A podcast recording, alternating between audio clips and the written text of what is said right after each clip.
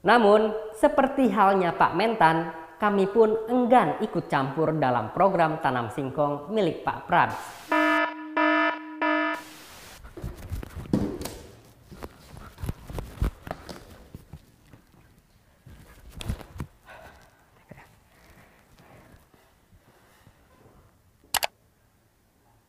Selamat datang di berita buru-buru terdepan dalam mengobarkan. Bersama saya, Mr. Kece. Berita kali ini mengenai kelakuan pesepeda yang terobos jalan tol. Viral di media sosial sebuah video yang menampilkan tujuh orang tengah bersepeda di jalan tol.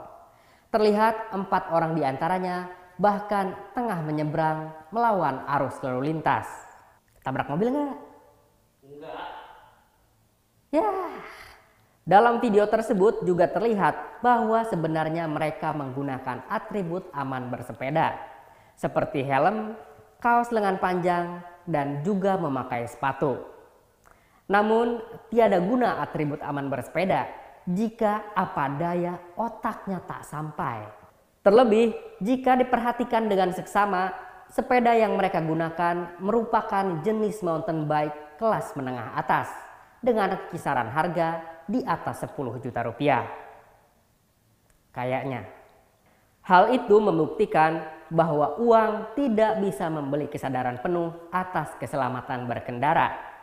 Namun, mengingat aksi masuk jalan tol ini dilakukan oleh tujuh orang berduit dengan penuh kesadaran dan meyakinkan, maka kami menyimpulkan bahwa uang setidaknya bisa membeli kebodohan kolektif.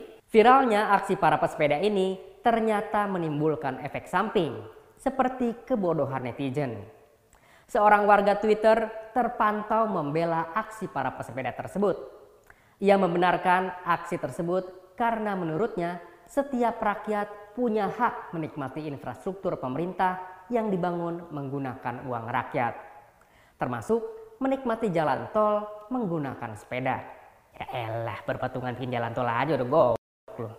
Kita beralih ke berita selanjutnya. Menteri Pertahanan Prabowo Subianto alias Pak Prabs berencana tanam singkong di 60.000 hektar lahan di daerah Kalimantan.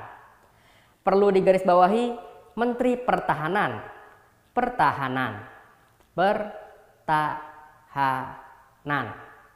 Tanam singkong.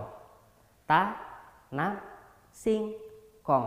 Rencana Pak Prabs tersebut disampaikan oleh Menteri Pertanian Syahrul Yassin Limpo dalam rapat dengan anggota dewan.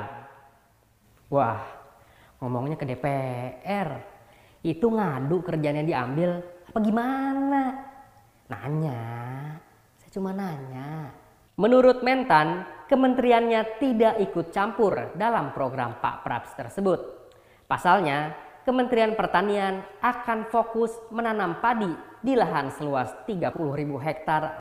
Dapat disimpulkan bahwa Kementerian Pak Prabs dapat lahan dua kali lipat lebih besar dari yang didapat Kementerian Pertanian. Ya salah Pak Mentan lah, kemarin gak ikut nyapres. Kementerian Pertahanan memang ditugaskan oleh Pak D untuk mencegah terjadinya krisis pangan. Kementerian mengerjakan jobless kementerian lain ini jadi bukti bahwa pemerintah sudah bersikap tangkas dalam menghadapi suatu masalah.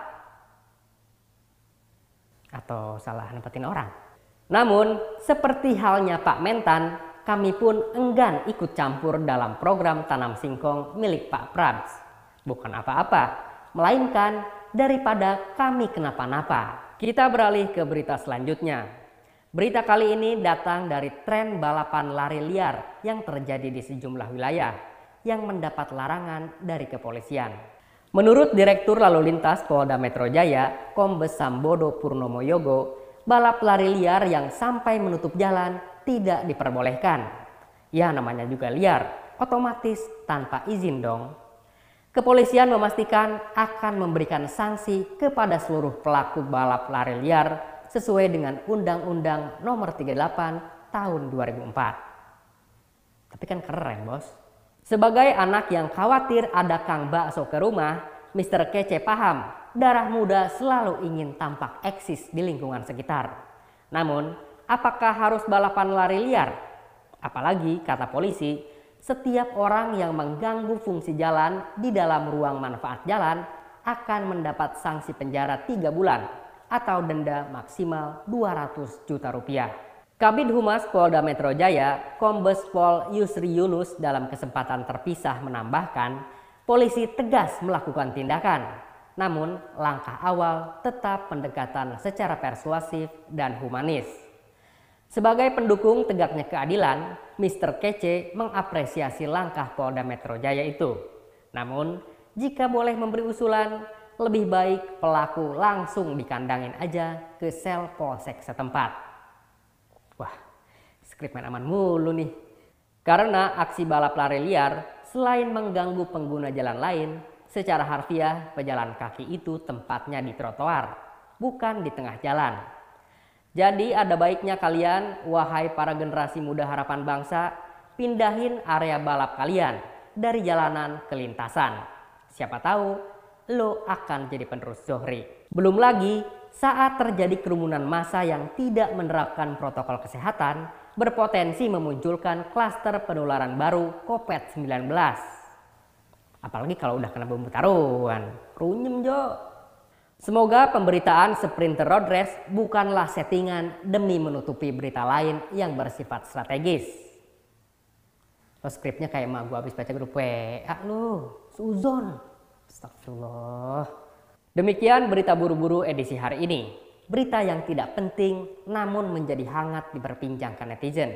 Karena mulut dan komentar netizen memang terbukti setajam silet. Sampai jumpa di berita buru-buru edisi selanjutnya berita yang laku ialah berita yang dibuat buru-buru.